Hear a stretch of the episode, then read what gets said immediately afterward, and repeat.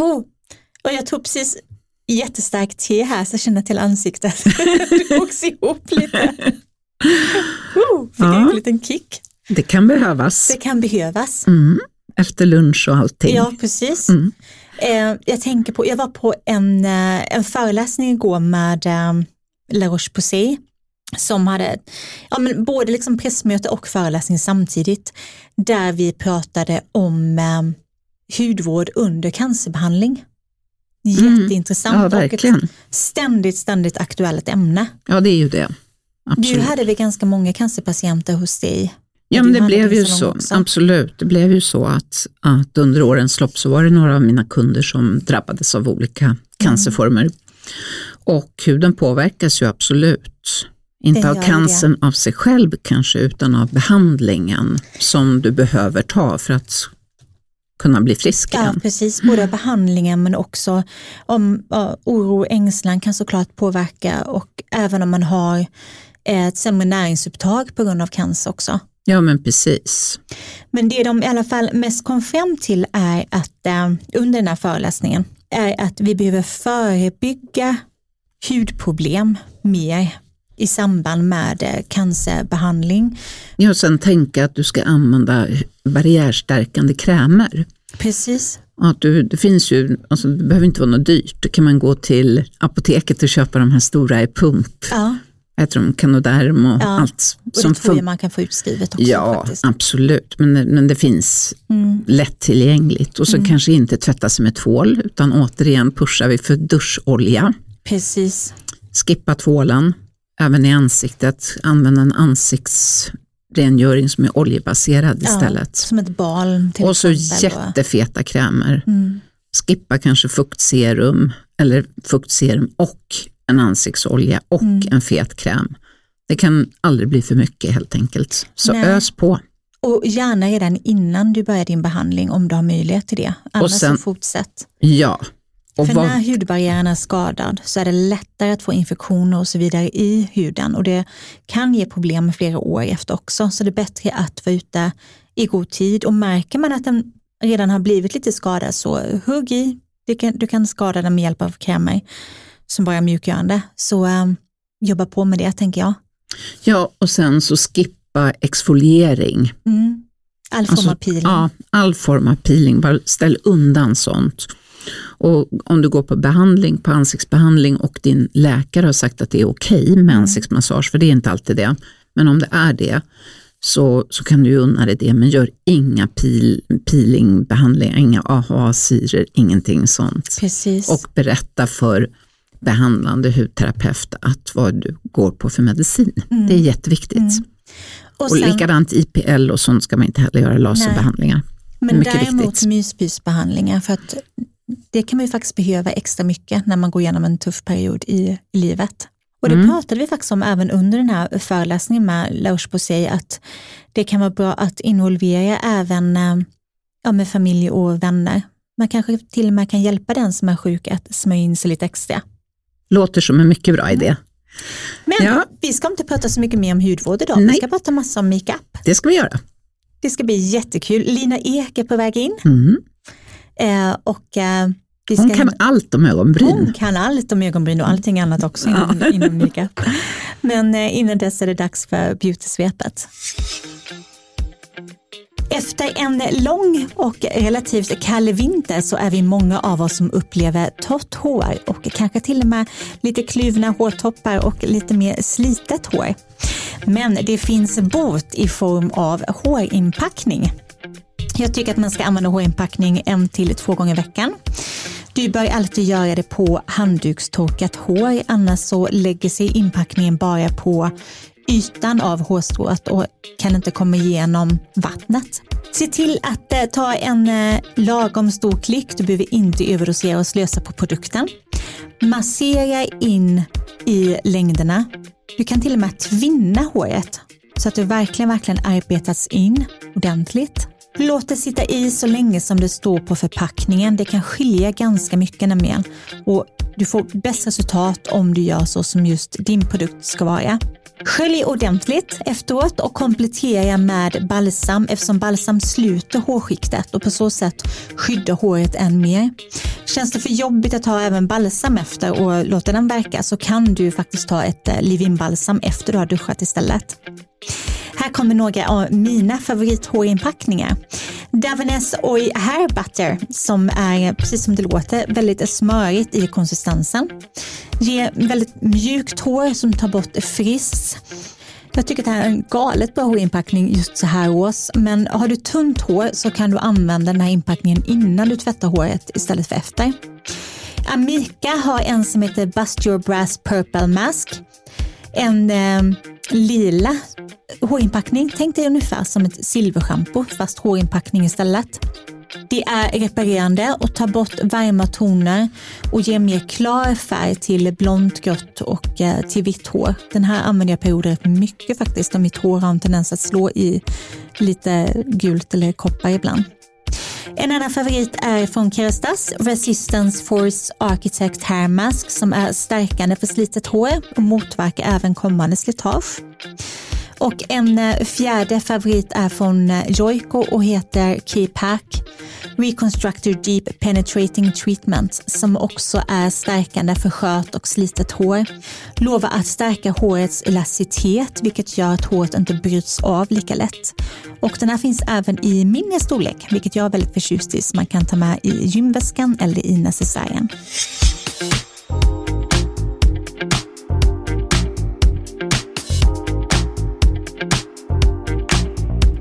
Hon har gjort både tidningsomslag, långfilmer och reklam. En tidigare butikschef som nu balanserar sonen på ena armen och makeup-penslarna på den andra. En inspiratör i sociala medier som leder kurser både online och live. Välkommen till Hudvårdsdjungeln Lina Ek. Nej men tackar, gud vad mm. fint! Välkommen Lina! Tack så hemskt mycket! Men stämmer det att du har jobbat i över 17 år i skönhetsbranschen? Ja, alltså det blir 18 år tror jag mm. till och med. Helt otroligt. Nej men det är galet. Nu är man ju en sån här gammal i gamet tjej. Men hur började allting? Oh, det började med att jag gick en makeupskola. Eh, har eh, alltid känt ett slags behov av att få vara lite kreativ, uttrycka mig. Eh, I färg och form blev det. Eh, flyttade till Stockholm jag började på makeupskola som sagt och sen började jag jobba extra i makeupbutik. Det var Direkt kul. efter. Men var flyttade ja. du ifrån? Eh, Oskarshamn. Oskarshamn. Jag är smålänning i, i blodet. Mm. Det är bra. Mm, det var jag känner mig hemma. Det var ju ändå ett stort, det var ett stort steg, ja. alltså ganska långt. Ja, verkligen. Jag var ganska ung då. Ja, modigt. Ja, men det var, det, jag hade liksom en känsla av att jag ville tillbaka till Stockholm. Jag är faktiskt född här från början, men eh, har varit uppväxt i Oskarshamn då. Men jag kände att jag ville tillbaka. Klokt. Ja. Rätt val. Ja.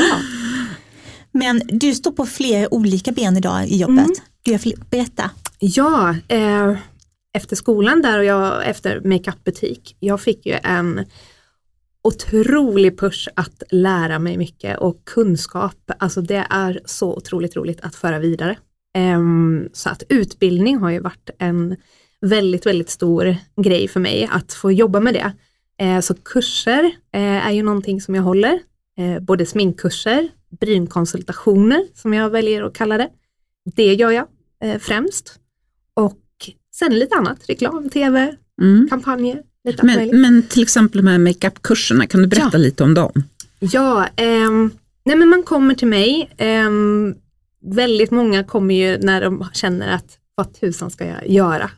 Vad ska jag liksom, vad är nästa steg för mig? För många sitter fast i en och samma rutin. De kanske inte ens har hittat en rutin och så känner de att åren går och saker och ting sitter inte på rätt plats längre. jag vet inte om ni kan relatera någonting ja, sam, Samma makeup sedan 20 år tillbaka. Liksom. Då är det dags att gå till Lina. ja. ja, så jag kände ju, alltså efter pandemin speciellt så har det ju fått ett jätteuppsving för att folk har verkligen förstått att nej men nu är det dags att ta tag i sig själv. För man förstår ju att det har med välmående att göra, det är inte bara yta. Och det nej. tycker jag är så otroligt viktigt i mitt jobb, att få faktiskt visa folk att, att det gör så mycket annat med när man faktiskt får in en ny rutin och mm. Eh, man känner sig vacker. Ja men det är ju självförtroende och säkerhet kanske ja. i olika situationer. Ja, Verkligen. Oavsett om det är på jobbet eller privatlivet. verkligen. Så då, då kommer man till mig och så sätter man sig ner och alltså varenda möte är ju så olika. Jag vet ju aldrig hur personen ser ut när jag får besök. Och eh, då kräver det också att jag har väldigt, väldigt mycket smink Ja. och olika produkter. Det är inget produktstyrt alls utan det är fokus på att lära ut rätt kunskap till kunden. Och det tycker jag är jättehärligt att få fokusera på det och inte sälj. Gud vad skönt, för Mm. det tänker jag också, för de flesta makeupkurser som finns idag är ju, ja men involverar ju väldigt mycket Mm. sälj i det också. Ja. Ja, oftast eh, styrt av kanske ett märke och det Ja. är ju själv därifrån jag kommer. Jag har jobbat för ett sminkmärke i herrans massa år Mm. och, och då, då är det ju de produkterna som man verkligen lär känna bäst. Mm. Ehm, men det tycker jag är fantastiskt sen jag blev helt, helt egen, att jag har fått en kunskap med, i och med bloggandet och Mm. ehm, att jag får testa så otroligt mycket produkter som jag kan då föra kunskap vidare med. Jag läser inte många bloggar kan jag erkänna, men jag älskar att läsa din månadens favoriter. och jag brukar faktiskt gå efter det ibland. Nej, vad ja. roligt. Åh vad härligt. Ja, jag tycker det är sån otroligt bra grej. Gud, Tips vad kul. till lyssnarna. Ja, Ja. jag håller med dig. Ja. Sista söndagen varje månadsavslut så Mm. går jag tillbaka till månaden och liksom ser över. Lyfter det bästa. Ja. Mm. Ja, det är jätteroligt, det är säkert Ja, fjärde uppskattat. året jag kör det nu. Mm. Kul. Härligt! Men du har också varit officiell makeupartist på L'Oréal Sverige. Ja, Berätta. Paris. Ja. Ja, nej, men det var ju jätte, jättekul. Det är ett väldigt folkkärt eh, varumärke som många kan relatera till och, och som passar alla åldrar. Och eh, jag fick äran att vara deras ambassadör under, vad blir det, två, tre år. Eh, jättelärorikt. Eh, får jobba mycket med, med presssidan och utbilda mycket och det som jag verkligen tyckte om. Så en jättekul erfarenhet. Men det förstår jag verkligen. Ja, vad blandat också. Du har gjort så mycket blandade grejer. Det är Ja. jättekul. Väldigt spretigt. Ja, men det tror jag är bra. Och det kanske så jobbar man jag är också som- väldigt spretigt. Jag tycker det är Ja. Men det är väl kanske så man hittar det man är bäst på också, Ja. att man provar lite olika saker och så, Mm. kom, så liksom maler man ner det till att ja, men det här är det som jag gör bäst. Ja, och sen kanske också att man, man tröttnar aldrig. Nej, Utan precis. man får liksom energi från Mm. olika platser och det tycker jag är väldigt Man härligt. blir inte uttråkad. Nej, precis.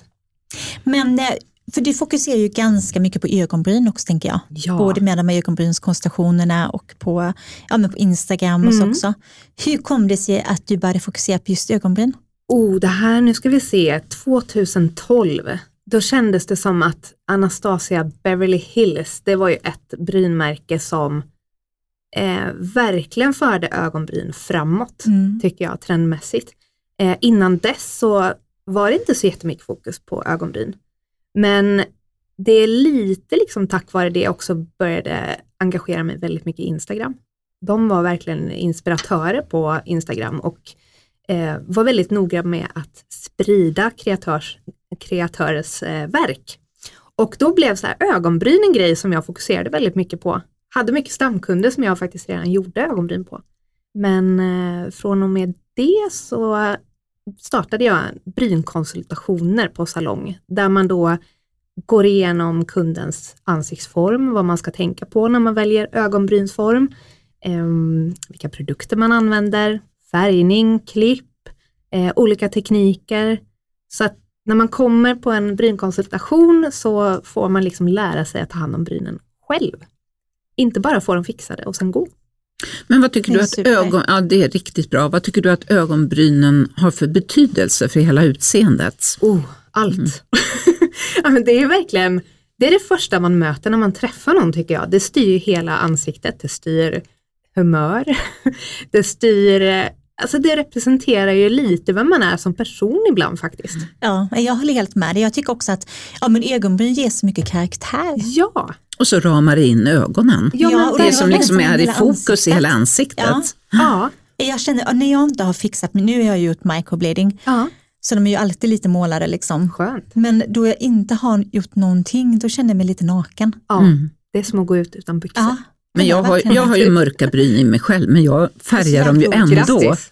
Ja, men jag färgar dem ändå för Att att jag vill ha det. dem liksom, en, att de ska bli lite blanksvarta liksom. Snyggt. Och sen så har de blivit lite glesare med tiden. Mm. Och så då måste jag ju också fylla i dem lite Ja, grann. det händer ju så mycket med ögonbrynen också. Eh, väldigt många som kommer har ju tyvärr den här bistra eh, eller dystra erfarenheten av 90-talet. De har kanske plockat för mycket eller Ja. ehm, har svårt att balansera upp ansiktet med hjälp av brynen för de vet inte vad de ska göra. Men man kan göra massor. Ja. Massor kan man göra. Gud så härligt. Mm. Det, det älskar Men vi. jag tänkte att jag ska köra fem stycken jättesnabba frågor till dig Ja, om ögonbryn. Oh. Vad du tycker om det. Mm. Superblekt ögonbryn. eh, oh, ehm, trendigt. Ja. Eh, sen kanske inte alltid hållbart till vardags. Nej. För det blir ju liksom en inramning som du pratar om. Mm. Ibland, det, det är coolt men jag vill gärna att, att de ska synas när Mm. man pratar. men trendigt. Eh, hemmafärgning, hemmafärgade bryn. Oh ja, gärna, Mm. ofta. Bra. Eh, crazy colors på ögonbrynen. Ja, varför inte? vilka, vilka färger föredrar du då? Oh, ehm, jag tror jag hade så här auberginefärgade bryn i en look en gång. Det var jätte, jättesnyggt. Ah. Det kan vara riktigt coolt att bara blanda in att man har liksom sina liksom kanske mörkbruna bryn eller sminkar dem lite mörkare men att man bara har en liksom touch av en liten nyans Mm. aubergine. Mm. kan Ja. ju göra jättemycket för, en, för ögonen. Ja men det håller jag med. Jag kommer ihåg för, om det är flera år sedan, eh, jag skulle på en sån här mini-halloween tillställning med mina föräldrar Mm. och vi bara, men vi måste göra någonting lite snabbt. Så jag målade, men det var nog min mamma i så här, ja, men mörk, mörk, mörkgröna bryn, nästan lite så här grönblå. Och det var, så, det var ju så snyggt. Det är nästan lite att de så skulle sitta galen, hårmascara. Det var ju jättefint. Ja, why not? Ja, Det var underbart. kreativt och härligt. Men eh, golfklubbor, Åh, de ser jag jätteofta. mm. Golfklubba, hockeyklubba. Ja, det finns andra benämningar också. Ehm, nej, det är vi klara med va? ja, Mm. Ja, det känns som det. ja. Men trådning, Ehm, det här är en jätteintressant fråga för jag har valt till exempel att inte tråda. Eh, delvis för att jag inte känner att det är min grej.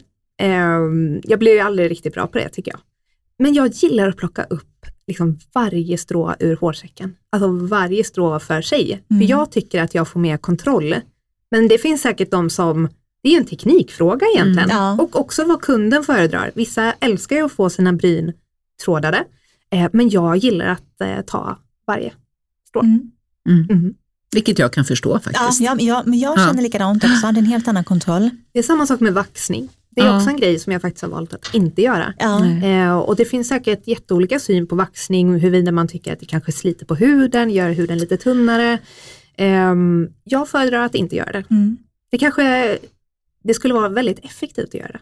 Ja, fast, På alltså, salong, hel, känner jag.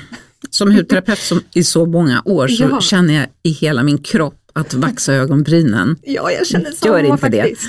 Därför att huden är så tunn och det blir, även om man fixerar så blir det en dragning i huden. Eller hur? Och bara nej. Och huden dras ut. Ja, lite. ja, det är det jag menar. Så känner även jag om du fixerar med två Ja. fingrar så mm. blir det här rycket.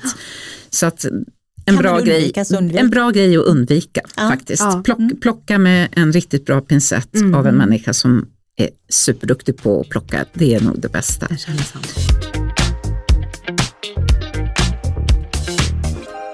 Men vad tycker du om browlift?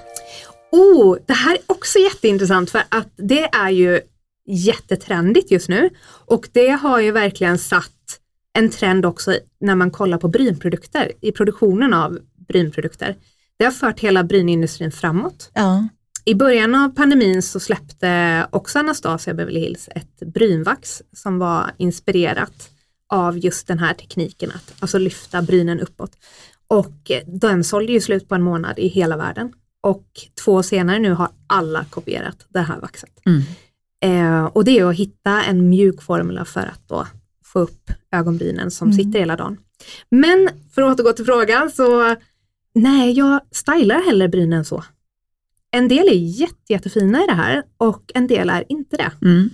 Och, Ja, eh, det, det stämmer ju. Ja, och jag skulle nog säga att eh, väldigt, väldigt många som gör det inser också att det krävs ett underhåll och att brynen när de växer ut börjar spreta åt olika håll för de är alltså permanentade uppåt i en Ja. helt annan vinkel än vad brynet är vana vid. Så jag stylar dem hellre uppåt. Mm. Jag väljer hellre själv när de Smart. ska. Ja, jag håller med. Ja, det är logiskt när man kanske Mm. säger det, men, men det är klart att det är jätteskönt och ger ett jättelyft så att många som har väldigt kraftiga bryn och väldigt nedåtgående bryn så är det en jättebra lösning. Men som sagt, underhåll, Ja. Ja, precis. Då Mm. måste man gå och göra det regelbundet också. ja. Och jag upplever, jag vet att jag nämnt det tidigare i podden, men jag kan uppleva ganska många som gjort att det blir, ja men som sagt, på vissa jättefint och på andra är det ja, men två streckkoder. Mm. Mm. Att det blir, Så är det verkligen. sträcker sig rakt upp. Och det Det blir, var, ja. Nej. Ja, och det är precis som Lina säger, idag finns det också bra produkter som egentligen Mm. gör, kanske inte exakt samma jobb, men liknande jobb på Ja. brynen. Och det är så häftigt att se hur allting bara rullar framåt där med Mm. produktutveckling. För bryngeléerna som kom för två år sedan var ju mycket mjukare och snällare mot liksom håren än vad de är nu. Nu är det liksom, kräver kunden att Mm. det ska hålla en hel dag, de ska ligga fint och kanske inte vara jätteglansiga. Och då tar liksom branschen fram produkter Mm. som, som gör just det här. Och kollar man på bryngeléerna nu så är de ju sjukt bra mot vad de var för två år sedan. ja. Man kunde ju aldrig gissa för tio Nej. år sedan att det skulle kunna finnas så här mycket brynprodukter som det gör nu. Det är otroligt intressant, Ja, det är, kul. så, det är ett jätte, jättehärligt ämne. För jag. alla oss som älskar tycker också bryn. det- Ja, precis. Jag tycker också att det är så kul att när konsumenter börjar kräva lite, Mm. Underbart. att man inte accepterar att en produkt ska kosta jättemycket pengar och Nej. inte leverera hela vägen. Nej. Så är det verkligen. För man kan ju utveckla till ännu bättre och det händer ju grejer hela, hela tiden. Ja, och de företag som lyckas då, då är ju de som ly- lyssnar på konsumenten. Precis. Verkligen. Så är det ju. Och det tycker jag man märker speciellt på sminkkurserna när ja, men kanske någon kommer som inte har använt bra produkter på väldigt många år Mm. och får visa skillnaden på produkterna idag mot vad de kanske har i väskan. Ehm, det är ju jättekul att gå tillbaka och se vad, vad de är vana vid. Foundation till exempel. En helt annan grej idag än vad det var då. Mm. Men vad tycker du att man ska tänka på när det gäller formen på ögonbryn? Ehm, jag tycker att jag tycker vingarna på brynen är så otroligt viktiga. För de är så lätta att bara fylla i. Ehm, att att liksom fylla i i den formen man har. Men här, om man vinklar vingen åt olika håll så kan man göra så jäkla mycket med, med en look. Det finns de som kan liksom vara ganska tunna och smala vid tinningen som kanske kräver att vingarna pekar lite mer uppåt, utåt och blir lite, lite rakare. Eh, och det kan förändra hela ansiktet. Det är en grej som jag tycker många glömmer. Det är väldigt Ja. mycket fokus på liksom, där fram eller på Mm. själva högsta punkten.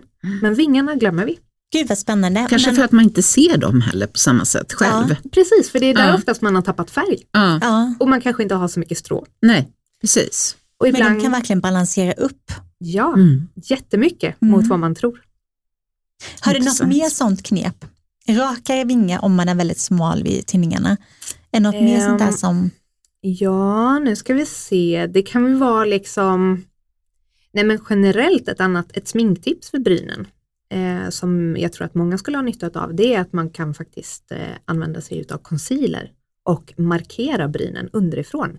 Så att man liksom får en, en skarpare kontrast mot huden mm, med brynet. För där kan du trolla ganska mycket om du inte vill plocka brynen så mycket men ändå, ändå eh, korrigera formen lite grann för att få det lite liksom lyft. Kan du förklara lite mer vad du menar? Ja. Hur, hur du menar? Eh, använd en concealer som är en till två nyanser ljusare än vad du är i huden. Eh, och testa först med den concealern du har redan hemma i sminkväskan. Så tar du den på en tunn platt pensel och sen så stryker du den, du börjar liksom längst fram vid brynet eh, i underkant där första håret börjar. Och så stryker du den längs med hela brynet, upp bort mot högsta punkten och sen ner mot vingen så att du får liksom en beige ljus kant. Alltså du gör en highlighter, Mm. en eh, matt ljus highlighter. Behöver Är det det du i. har nu? Ja, och jag har nog gjort det. Ja, Ja, det har jag. ja. För att få det här lilla lyftet. Ja, snyggt. An- när du gör det, använder du en tunn concealer eller använder du en mer täckande? Ehm, både och. Idag finns det ju faktiskt väldigt, väldigt tunna concealers som är väldigt, Mm. väldigt täckande. Så, men jag föredrar absolut flytande Mm. alla dagar i veckan.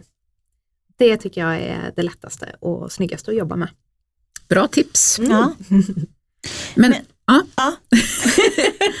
Men man tänker när tiden går och eh, ögonbrynen kanske inte består. men, men ska man ha samma form på ögonbrynen hela livet eller ska man ändra form när ansiktet börjar Ehm, Dala. ja men precis. Att ju, ju längre ner i ansiktet kommer desto mjukare ska ögonbrynen gå. nej, det menar jag inte, utan jag tänker att det kanske är dags att tänka på vissa saker. Ja, ja, men för det första så händer ju väldigt mycket med våra strån. Alltså de, det som jag tycker att väldigt många eh, reagerar på det är att de blir väldigt mycket längre. Mm. Det blir sådana här farfars strån som jag brukar prata om som växer. Ja. Ehm, man kanske får lite grå hår. Men färga brynen är det absolut första som jag alltid rekommenderar om man känner att det börjar hända, att det blir förändring i ansiktet. För många har ju inte kommit dit att man färgar sina ögonbryn. Även om det i våran bransch kanske är så här, ja men det är klart vi färgar ögonbryn. Mm. Men den vanliga kunden, ja men som kanske lyssnar på det här eller som har mycket i, i sitt li- liv generellt som vi alla har, man hinner inte alltid. Och färga ögonbrynen är ju bland det viktigaste, första. Men sen klippa brynen som sagt, gör jätteskillnad. Och använder du då en liten nagelsax eller? En liten brynsax. En, det finns en liten brynsax använder Ja. man då? Ja, det känns så skönt. Mm. Man kan lyxa till och, Ja. och skippa fotsaxen. Ja, Och så- precis. Ja. och så kör vi en brynsax Ja. istället. Ja, men de är ju, jag gillar också brynsaxar, de, de känns som de är extra vassa och sen så är de ju helt raka. Mm. Superspetsiga. Mm, Ja. Det finns ju Sylvassa. ingen, ingen snedhet i dem. nej. Nej. många nagelsaxar är ju lite, lite sneda Mm, lite rundade. och då kan ju brynen bli därefter också. Just tänker jag. Ja, Det är nog vanligt fel. att man tar den, Ja. för att den Ja. ligger där hemma och Ja. tänker man efter så här, har jag tagit den själv? Och så blir det så Men- stort och sen så klipper man för mycket och sen så, ja. Ja, Det måste vara en i väldigt liten sax i alla fall. Mm. ja, Det är en sak som är säker. ja.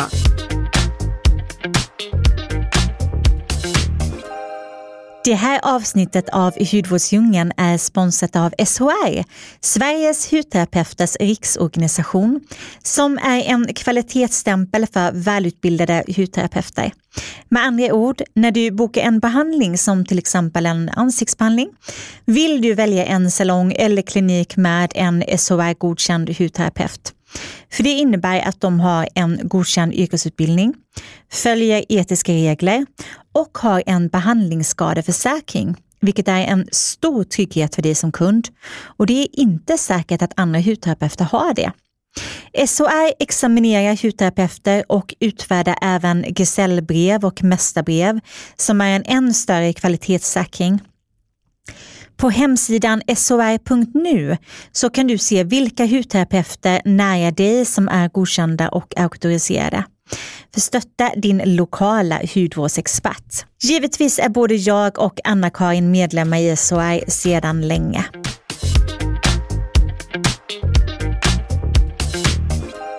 Men vilka brynprodukter tycker du att man ska välja?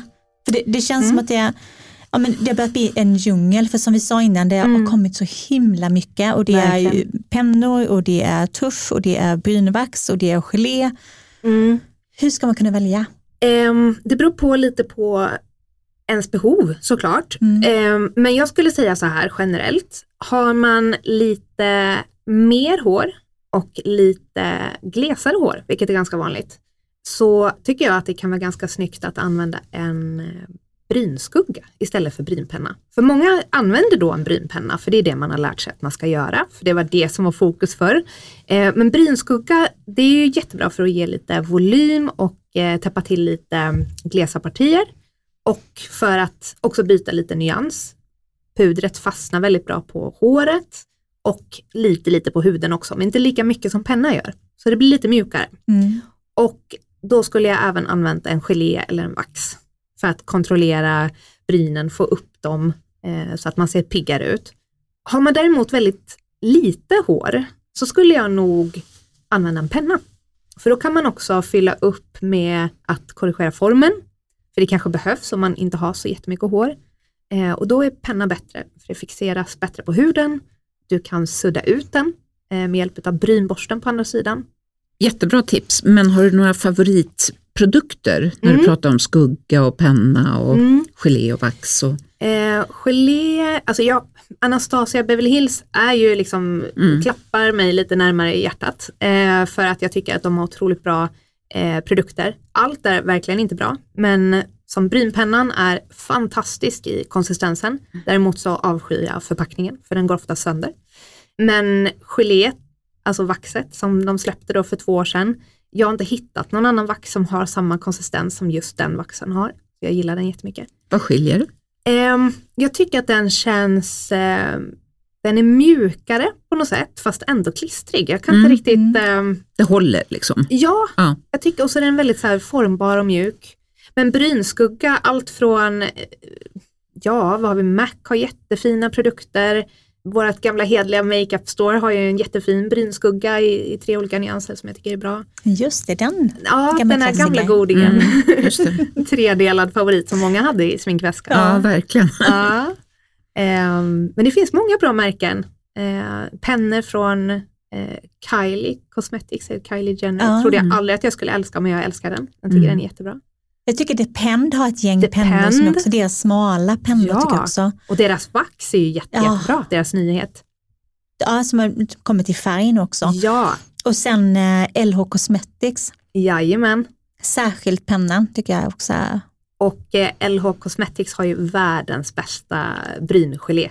Med Ja. fibrer i, som, alltså det sitter ju som Mm, berget. Bra tips. Blir de lite, lite tjockare av Det också. jättebra. Ja, Ja, älskar den. Ja, det Älskar den. låter Lite som en, en produkt att titta på. Mm. Men kör du, när du använder brynvax, Mm. kör du det innan eller efter penna?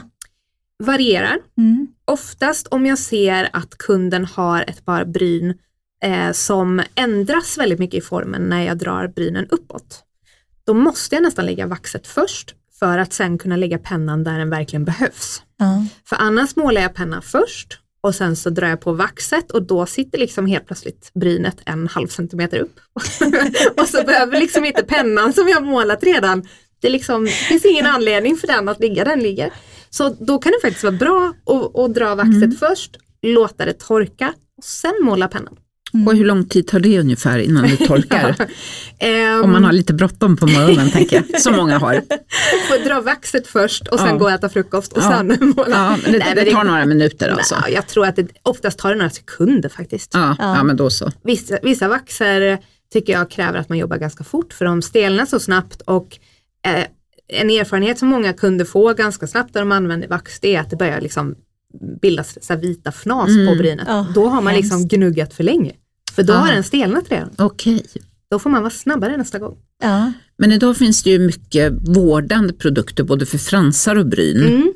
Vad tycker du att det, att det funkar på fransarna? Det, det är vi många som vet vad det gör. Mm. Men vad tycker du att det har för effekt på brynen? Och det här är så individuellt tycker jag. För att nu har jag träffat otroligt mycket människor som älskar ögonbryn eller på ett eller annat sätt har gjort allt för att få tillbaka sina ögonbryn. Så att jag har ju hört om diverse serum som folk har testat, eh, vad som funkar, vad som inte funkar. Jag har testat mycket själv och det går aldrig att säga att så här, det, här, det här funkar 100%, du kommer få mer bryn. För det beror helt på vad ingredienserna gör med din hy och i hårsäck och, och hårstråna, vad kan man påverka liksom? Mm. Men jag har också sett mirakel. Och det tycker jag är faktiskt ganska härligt att kunna säga att jag har sett kunder som har gått från en 90-talsform men som med gediget arbete och tålamod har fått bättre bryn på sikt.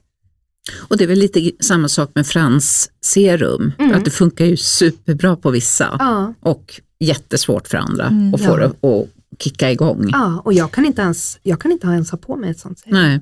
Jag Men blir de som har haft en Mm. 90-talsform, de, det är ju Mm. ganska många i, i Ja. vår ålder tänker jag. Men, och sen har kommit tillbaka och haft ordentligt snygga bryn. Ja. Hur har deras plan sett ut? Förutom att inte plocka. Eh, någonting som jag tycker är mest effektfullt, det är att vi säger att man har varit hos mig på ett brynbesök och vi har verkligen omformat brynen, tagit bort allt hår som vi behöver ta bort och lämnat det håret som ska vara kvar. Och sen får kunden med sig en, liksom, ett direktiv att okej, sex veckor från och med nu, inget plock under sex veckor, utan låt allting som vi har plockat ut börja växa ut. Och brynet, det har ju en, en det har ju inte samma växtfas alla hårstrån utan det är ju olika faser. Och genom att låta det gå så pass lång tid, ta bort allt, låta det gå sex veckor till, ta bort allt, så tvingar man lite håren att växa i lite jämnare fas mm. tycker jag. Då, så att alla blir i tillväxtfasen tänker du? Exakt. Ja, mm. eh, i, I viss mån kan man ju påverka det, mm. inte helt såklart. Nej.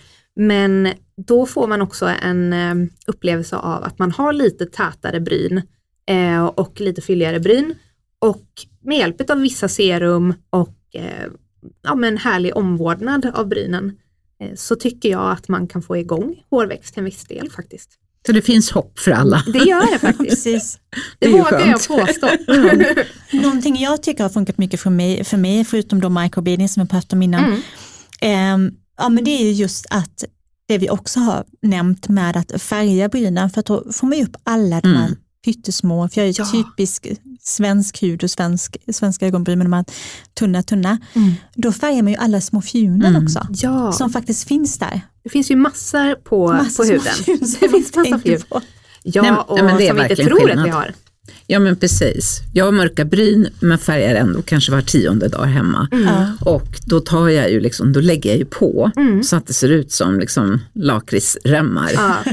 Men då får jag ju också med precis de här små fjunen som ni pratar ja. om. Och då helt plötsligt så ser brynen mycket kraftfullare ut än vad mm. de gjorde mm. fem ja. minuter tidigare. Man kan göra så otroligt mycket med styling och väldigt många kommer ju till mig oftast innan de gör en microblading eller vad det nu kan vara mm. för att de vill se vad, vad kan vi få till mm. innan jag liksom tar det steget. Ja, och det är väl klokt ja, att man tar ja, det, det olika. Det ja, och en del inser ju att de inte behöver det. Ja, för att precis. de färgar och, mm. och, kanske byter liksom ton på brynen och, och får fram formen på ett annat sätt. Så det är så olika. Men om man då bor i en annan del av Sverige än i Stockholm så har du även onlinekurser ja. för detta. Exakt. Ja, det är ju fantastiskt. Ja, men det är det verkligen. Jag, för Sverige jag... är ju verkligen avlångt. Liksom. ja, verkligen. Och jag, jag kände strax innan jag fick barn så kände jag lite smått panik över alla mina stackars prynkunder som gick regelbundet till mig. Eh, de kände liksom att vad ska vi göra mm, när du är borta? Ska vi vänta ett år nu och fixa ja, brynen? och många har ju verkligen gjort det. Det är ja. jättehärligt att, att komma tillbaka mm. och se att de har försökt så gott de har kunnat. Eh, men att de ändå är lojala och kommer tillbaka. Men jag kände att därför testade jag att göra en onlinekurs ehm, där man faktiskt eh, med hjälp av sju lektioner kan ta hjälp hemifrån utav mig. Mm. Så att man sitter och lyssnar på mig när jag går igenom olika steg, färgning, hur man gör hemifrån, former, eh, produkter och sen kan man då sitta och repetera, gå tillbaka och... Riktigt bra. Nej men det är så bra. Ja. jag tycker det själv. Det är jätteroligt. Jo, för då kan man ju också kanske klara sig en längre tid och kanske inte behöver gå lika ofta om man nu har långt till en mm. brynexpert. Exakt. Och man kan liksom ta kursen tillsammans med några i familjen eller ett mm. par vänner över ett glas vin eller, och liksom se den här kursen tillsammans. Och det är ganska roligt för man kan göra ganska mycket med sina bryn som sagt på bara en gång. Kanske man får jätteroliga bryn sen efter några glas vin tänker jag. Ja, ja. verkligen. Får jag massa arga samtal sen. det här var fruktansvärt. Får skriva det, ta inte kursen i, eh, tillsammans med alkohol. Nej, precis. Har du gjort några misstag med din egna bryn någon gång? Eh, alltså jag har ju liksom haft någon inbillelse att jag inte har plockat brynen enligt den här 90-tals, ja men under eran där att man skulle plocka dem så otroligt tungt. Ja. Eh, men sen så hittade jag gamla kort och såg att herregud, du vet så små regnbågar. ja men verkligen så här jättenoppat jättemycket. Men eh, inga sådana direkta misstag så tror jag. Nej. Det är bra. Inga nej, nej, du är ett proffs. Jag, jag har gått in i en vägg och spr äh, spräckt lite av ögonbrynet i och för sig. Aj, det var inte så det var inte sånt misstag. det var ett jättemisstag kan jag säga men, liksom, men inget, nej, inget sånt. Ser du något, vad ser du för trender när det gäller ögonbryn? Jag tycker att nu så börjar man se en, alltså vi har haft en period där det har varit väldigt fluffigt och väldigt, eh, alltså ju mer bryn desto bättre. Men det jag ser nu är väl att det ska fortfarande vara fluffigt men formen ska vara mer väldefinierad. Den ska vara tydligare än vad den har varit innan. Ehm, så inte bara bryn överallt utan lite 90-talsinspirerad men inte de här jättesmala brynen utan det får vara fluffigt. Mm. Det skulle jag säga. Tack. Väl ansatt liksom. Ja. Ja, väl Mm. ansatt. Ja. Låter bra. Men vi måste prata lite allmänt om makeup också, för du, Ja. du är ju inte bara bryn. Nej. Eh, vilka är dina bästa makeupknep? Ehm, och det här med concealer runt ögonbrynet underifrån är ju ett jätte, jättebra makeup-trick för att eh, som småbarnsmamma så vet jag hur viktigt och snabbt man ska kunna göra någonting som lyfter ansiktet och då är faktiskt det ett av mina absolut bästa trick. Ehm, glow i huden såklart, det är ju någonting som känns jättetrendigt och som vi alla strävar efter just nu. Ehm, men vad har vi mer för någonting? Men glow i huden, gör du det med hjälp av highlighter eller gör du det med hjälp av vilken foundation du väljer? Jag eh, börjar redan i hudvården. Mm, bra. Ja, mumsigt va? Ja. Nu, nu, är vi, nu är vi nöjda. Nu Ja. fick du en liten guldstjärna. tackar, tackar. Nej, men jag gillar och eh, jag gillar att jobba med essenser eller toners, ansiktsvatten som ger lite glow. Älskar att jobba med krämer som ger glow. Eh, en av mina absoluta favoritprodukter kommer från By Terry och är ett eh, CC serum kallas det. Eh, som är som ett serum, primer och glow i ett. Oh. Oj. Det Mm. här är ett riktigt S i rockärmen i mina jobb. Låter det som. Ja. Mm. Eh, så det är väl en grej som jag tycker är väldigt, väldigt bra. Men generellt jobba med concealer i slutet utav sminkningen är ett annat tips som jag gillar att göra. Och det är, vi säger att du är klar med din fulla sminkning, eh, ögonsminkning, ögonskugga, allting. Och sen avslutar du med lite, lite concealer precis i utkanten utav ögats eh, form. Mm. Hur ska vi förklara det här med i Nu en podd? tänker du från, ja, men om man tänker att man har en trekant mellan, eh, ja, men från näsans tipp Ja, upp mot ögats yttre vrå. Där Ja. har vi ett, ett streck. Men om man tar en, vi säger att du har en tunn, tunn pensel som du håller mot din nästipp och sen så tar du den i slutet av ögat. Ja. Så att du har liksom en, så att den pekar rakt upp. Under den här vinkeln, det här är något som kallas för det gyllene snittet om man jobbar mycket med makeup. Så det här är en av de riktlinjerna som man jobbar efter. Att man ska hålla sig innanför den här vinkeln eh, om man ska ha en makeup som eh, piggar upp ansiktet. Och på andra sidan av penseln då, på ytterkanten, om man stryker tunt tunt med en ljusare concealer där så får du automatiskt ett jättelyft. Mhm. Och det är ju egentligen där tårkanalen har som en litet, liten, eh, inte ärr, vad heter det, som en Nej, liten Precis. kråkspark. Ja, kråksparken. precis. Så att man liksom ljusar upp den lite grann. Det är typ det första stället jag skulle välja att lägga concealer faktiskt. Eh, för att få den här pigga känslan.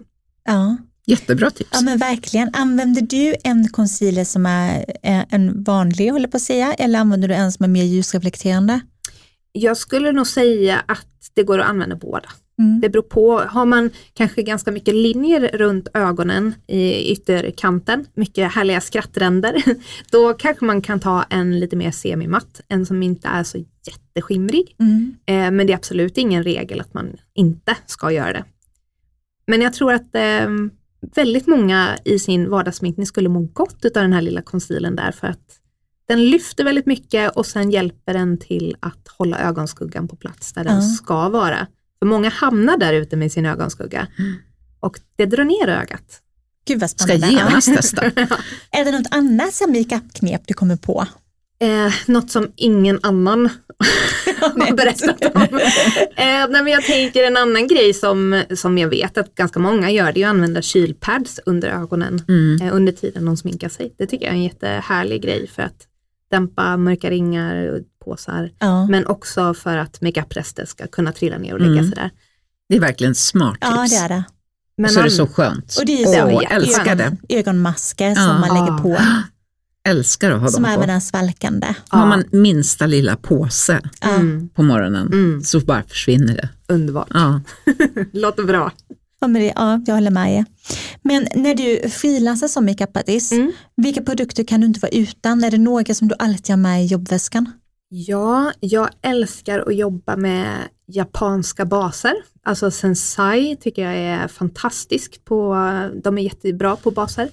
Ehm, jag gillar att jobba med Giorgio Armani.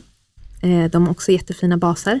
Men vad mer, alltså jag är ju en riktig bastjej. Jag gillar ju basprodukter, bra concealers, tunna lätta puder med mycket liksom eh, glow och reflektion och jag gillar det. Vad är det mer jag gillar? Har ju jättemycket MAC i väskan. Mycket pigment, starka toner. Så när det går från bas till ögon så är det mest MAC kan man säga? Ja, eller? det skulle jag nog säga. Mm. Det är jättevarierat och det är det som är så jag känner att jag utvecklas så mycket som, på, alltså som makeupartist sen jag liksom slutade jobba för ett märke och började testa eh, mycket annat. Och ja, men, man sitter i Swedish Beauty Awards-juryn tillsammans med dig Elin. Mm. Eh, det tycker jag har breddat min kunskap också jättemycket. Testa så mycket produkter. Så att jag liksom norpar lite här och där och använder ganska brett, mycket olika produkter i väskan skulle jag Men det säga. är väl superklokt tycker Ja. jag, både när det gäller hudvård och Mm. när det gäller makeup. Man ska Ja. plocka sina favoriter. Ja, man behöver inte vara så inkörd på att det ska vara ett och samma märke. Liksom. Nej, och det tänker jag också just till, till lyssnarna också, att det är bra att våga testa lite nya sminkmärken Mm. också. Man behöver inte ha samma läppstift i fem år, utan man kan plocka helt ny konsistens från Mm. ett annat märke som man inte vågar testa innan, för det, det är bara att tvätta bort det. Det är ingenting som är, Nej. är farligt. Gräset kan vara grönare på andra sidan Mm. alltså. Det kan det faktiskt vara. Ja, nej, men det, man ska alltid testa och liksom bredda sin kunskap tycker jag och aldrig sluta utvecklas. Sen behöver man inte köpa nytt hela tiden. Men man kan vänta tills något tar slut och sen så kan man gå och be om en provburk Mm. och testa grejerna först. Eller så investerar man i kunskap först och handlar efter. Precis. Ja, det är väl väldigt klokt både för miljön och plånboken Ja, kanske. Mm. Och just när det kommer till smink, kanske inte hudvård, men när det kommer till smink så är det ju faktiskt en hel del man kan blanda.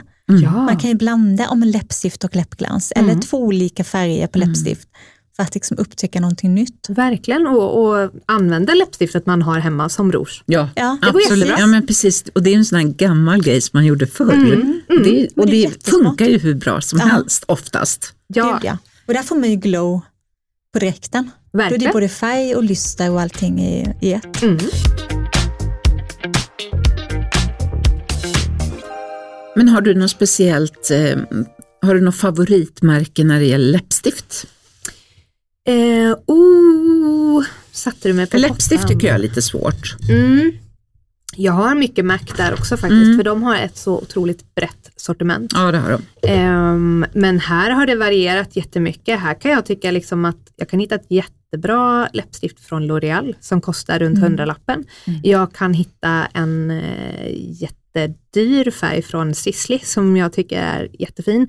Läppstift är nog där, där jag blandar budgetlyx mest, för Mm. jag tycker att pigmenten är så otroligt bra idag och eh, väldigt mycket läppstift är ju bra läppstift Ja. idag. Ja, är vårdande, men det finns ju Ja. fortfarande läppstift man blir väldigt torr av. Ja, det är verkligen. jättekonstigt. Ja, och om man då har någon favoritfärg Mm. eh, i ett torrt läppstift, Mm. men samtidigt blir alldeles för torr, Mm. vad ska man göra då? Om man har ett, förlåt, en gång Ett, till. ett favoritläppstift Ja, kan vara så att jag pratar om mig själv. ja. Och sen så, så alltså blir läpparna alldeles för torra. Mm. Alltså det är inte snyggt. Nej, Och man försöker lägga på något fett ovanpå eller Fattar. Mm. Har du något bra tips? alltså jag har ju en produkt som jag älskar här. ja. Alltså Aurelia, Heter- säger man Aurelia? Aurelia. Ja, Det ja. Aurelia, just Ja. det. Mm. Eh, de släppte ju, ja, märke. Ja. exakt. De släppte ju ett eh, läppbalsam nu förra året, eller 2022. Och eh, det, det är ju alltså, det är som ett balm, återfuktande. Eh, jag kan inte leva utan den. Jag har blivit helt besatt i den. Den, den ger också ett fantastiskt glans. Den tar jag en liten klick av själv när jag har på mig ett läppstift som är lite torrare. Då lägger jag lite av den uppe på. Eller Ska jag under. testa det? Mm, det är jättebra. Mm. Den är magisk. Ja. Den har Ibland blivit en hittar man liksom inte favorit. samma färg i något fuktgivande Nej, läppstift. nej. Det går inte. Nej, så är det ju. Mm. Sen dricka mycket vatten. Ja, Tips Precis. från Det- dig själv. det, det är ett bra tips faktiskt. Ja, det är, oftast, det är mycket inifrån också men självklart kan det ju vara produkten som är extremt torr. Mm, Ja, och absolut. som är lite uttorkande. Och luften på Ja, vintern. det är så mycket som kan. Torr luft ute, torr luft inne. Mm. Det blir ju inte bra. Då får det bli läppglans istället. Mm. Men Lina, vad upplever du är vårens trender? Eh, det är jätte, jättemycket fokus på, um, på huden. Alltså fortfarande på eh, hybrider i baserna. Det är jättemycket färgade fuktkrämer, det är tinted, eh, eh, mycket serumliknande produkter. Eh, jättefin kvalitet på baserna som släpps nu. Och de behöver inte ens vara dyra. Det är liksom bra budgetprodukter. För att de är, är lite närande då också? Eller? Ja, fuktgivande, ja. Så bra. Ja, vårdande, lätta, byggbara. Det är ingen självklarhet att en bas är byggbar, att man alltså kan lägga eh, flera lager. Eh, när en annan växte upp så la man en foundation och sen låg den där. Mm. Kalkylerade om man försökte liksom lägga ett lager uppe på. Jättefina lager på lager produkter idag. Rouge, rougen kommer ju liksom blir ju bara kraftigare och kraftigare, jag på att säga, men den, den syns mer och vi investerar mer i rouge nu än vad vi gjorde för några år sedan. Den har blivit viktigare. Eh, krämprodukter, mm. jättemycket krämprodukter. Krämögonskuggan gör ett jätteuppsving i år.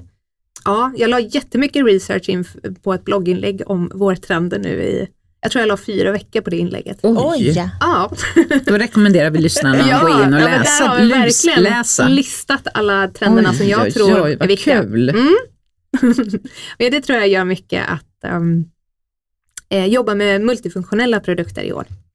Så att man liksom är lite sparsam i väskan också. Ja, smart. Ja. Och just det med krämprodukter är jag själv ett, ett fan av. Mm. Det... Gillar krämrouge. Ja, mm. mm. det tog mig ganska lång tid i karriären innan jag började jobba mycket med, med krämskuggor framförallt. Mm. Men eh, när man väl har gett sig in i det träsket så då är man fast för det ja. är så Och vad är fördelen tycker du med krämskuggor? De sitter där du applicerar mm. den. Den sitter ju liksom hela dagen, den lägger sig inte i veckan, vilket är en ganska stor fördom om krämögonskuggor. En bra krämögonskugga ska ju liksom ligga på plats där du har lagt den.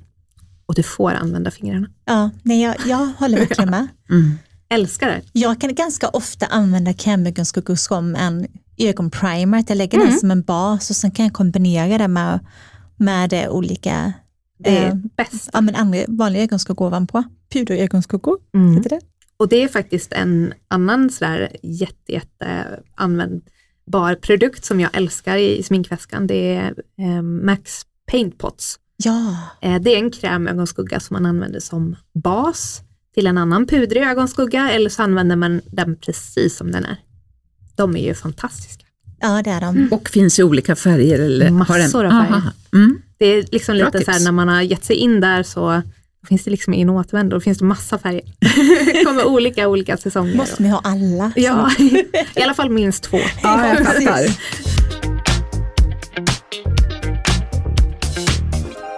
Men nu har vi pratat mycket makeup på mm. ögonbryn, men nu undrar vi, hur ser din hudvårdsrutin ut? Åh oh, herregud. Mm. um, den är ganska spretig uh, för att jag testar så mycket. Men i grund och botten så är jag en ganska enkel tjej. Jag gillar tre steg. jag, jag, tycker att då är det också väldigt lätt att eh, lära ut under sminkkurs och sådär när man faktiskt kan relatera eh, till olika saker med, med, kunden som sitter i stolen. Att man, det behöver inte vara så att bara för att jag jobbar med det här så använder jag 20 steg. Utan enkelt är oftast väldigt, väldigt bra också. Men eh, jag tvättar ju av mitt smink såklart. Jag älskar att använda toners eller essenser. Um, och jag har alltid en fuktkräm. Och lyxar jag till det så har jag ett serum där innan. så, Perfekt. Så enkel är jag. Man behöver inte krångla till det så mycket. Nej. Men brukar du köra typ um, peeling och ansiktsmask och sådana grejer också någon gång i veckan? Eller hur är, jag, vad prioriterar du? Ja, jag är, um, om jag prioriterar att göra någonting utöver det, utöver allting jag ändå testar, för mm. där ingår det ju också massa peeling, masker, mm. pads och allt möjligt. Jag är ett jättefan av enzympeeling. Jag ja. älskar det. Mm. Det är också ett sånt där jätte, jättebra sminktips. Att använda en enzympeeling innan man mm. sminkar sig. Det är ju liksom... Och tvätta botten mm. ah, ja. innan man sminkar sig. ja, annars är det katastrof. Men det är faktiskt en, en av mina absolut vanligaste frågor från kunder. Det är att varför får jag massa vitt fnas i min sminkbas? Mm. Jag har bytt massa foundations. Jag har liksom testat olika hudvård men jag får alltid fnaset. Mm. Och då är det första, gör en enzympeeling. Ja, precis. Få bort fnaset, få bort den döda huden innan du sminkar dig. Så, Och tycker du att det funkar lika bra med någon toner med PHA eller BHA? ehm, Eller blir det en hinna som ligger kvar ja, då? för, för mig så är det bättre att använda Mm. en, alltså en av mina absolut mest använda enzympeeling som jag alltid tipsar om, kommer från Apoliva. Är Mm. en jätteenkel enzympeeling som kostar runt 100-lappen som är fantastisk. Du lägger på den ett tunt, tunt lager runt näsan till exempel om du har liksom lite fnas runt näsvingarna. Eh, fem minuter, tvätta bort. Jättefin. Åh, så bra. Alltså bra tips. Du, en annan grej jag kommer att tänka på som jag brukar få svar på ofta också, eh, det är när basen korvar sig. Ja, Mm. När man lägger på, om, om man har lagt på eh, sin hudvårdsrutin och så lägger man på foundation och sen börjar den korva sig. Det Mm. upplever vi alla ibland. verkligen. Då är det ju något som, eh, som kolliderar. Mm. är. Ehm, oftast är det ju då att kanske din hudvårdsprodukt eh, tillsammans med din hud och tillsammans med sminkprodukten inte matchar. Eh, och sen vad det är exakt som inte matchar är ju jättesvårt och där måste man ta reda på det genom att testa, okej vad händer om jag tar bort den här krämen? Jag lägger till en annan kräm istället. Händer det samma, är det samma resultat? Ja, det, det blev det. Ja, men då vet du att det troligtvis inte är krämen. Då nästa gång tar du bort basen. Då testar du med en annan bas och så får man hålla på sådär. Det krävs ju lite jobb. Men när man väl har liksom testat fram det, då har du ju en guldkunskap med dig i bakhuvudet när du ska handla eh, eller investera i nya skönhetsprodukter. Jag upplever också att vissa serum är liksom för klibbiga. Mm. Välj ett serum som eh, penetrerar snabbt i huden om du ska lä- lägga en makeup. Och de tjockare serumen kan man i så fall använda kvällstid kanske. Ja. Och sen ibland kan det kollidera för att det är eh, lite för mycket silikon Exakt. tycker jag i produkterna och Ja. då börjar det liksom korva Nej, sig. det går inte. Och väldigt, Nej. väldigt ofta är det ju just det att när man går in och petar och frågar lite och då är det ofta så att de använder en primer Ja. mellan hudvården och sminkningen Mhm. som har mycket silikoner i sig. Tar man bort den så Mm. Så händer blir det det liksom, ja Mm. verkligen. Och sen ibland kan det ju faktiskt vara så enkelt som att man har använt för mycket av produkterna. Mm. Eller att man börjar sminka sig direkt efter man lagt på sin ansiktskräm och så Mm. korvar Ja. allting ihop sig för Mm. huden har inte hunnit ta emot. Nej, det kan vara bra att äta Hudvårdsrutinen innan. frukost emellan hudvårdsrutinerna. Ja, och makeupen. Ja, Och sen är det så himla olika, för igår till exempel hade jag en sminkkund som, då hade jag en på förmiddagen som älskade känslan av att vara kletig när hon sminkade sig. Och kunde på eftermiddagen avskydda just det här eh, klibbiga. Eh, så det är ju så olika beroende på vad man har för hudtyp Ja. Ja, tycke och smak som ja, allting precis. annat. Ja. Ja. Verkligen. Man får prova sig fram helt enkelt. Mm. Men det måste ju vara jätteroligt för dig för att då, då tycker inte alla likadant och du blir lite utmanad i att okej, men nu måste vi tänka om, använda andra produkter. Mm. Du kan aldrig köra samma sak på Nej. förmiddag och eftermiddag. Nej, jag skulle bli genomskådad på en gång om jag skulle köra samma sak på varenda kund. Nej, det Men det är inte. det som är lite härligt också för att eh, jag blir fortfarande utmanad i mitt jobb.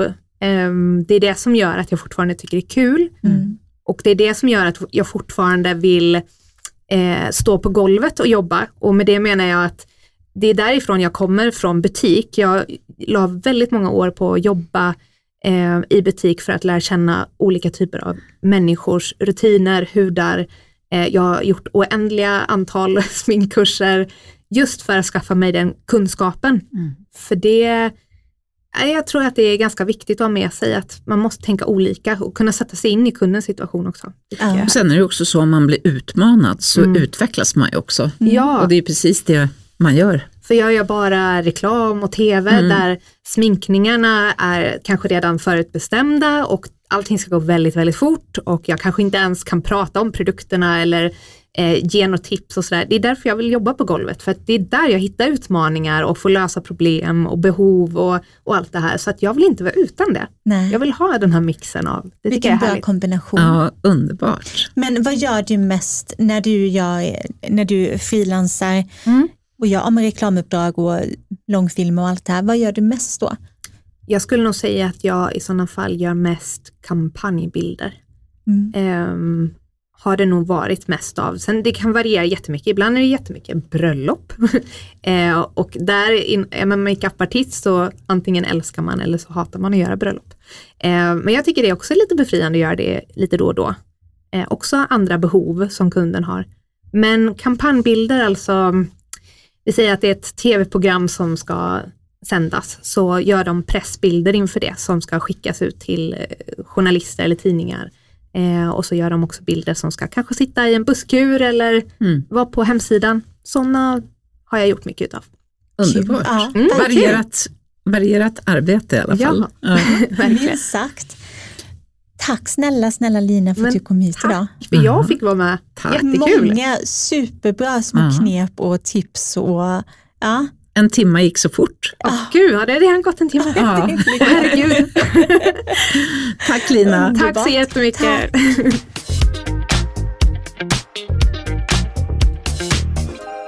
Wow, jag känner att jag vill typ hem och äh, sminka mig. Ja, ja. jag vill hem och lägga concealer ja, Ja. precis. under brynet och Mm. vid tinningen. Och, Ja. ja. Jag älskar det här med multifunktionella produkter och produkter som kanske inte är ämnade att vara Mm. multifunktionella men man kan använda dem så ändå. Det älskar jag också, både inom hudvård och makeup. Ja, verkligen. Mm. Men trevlig helg. Hej hej.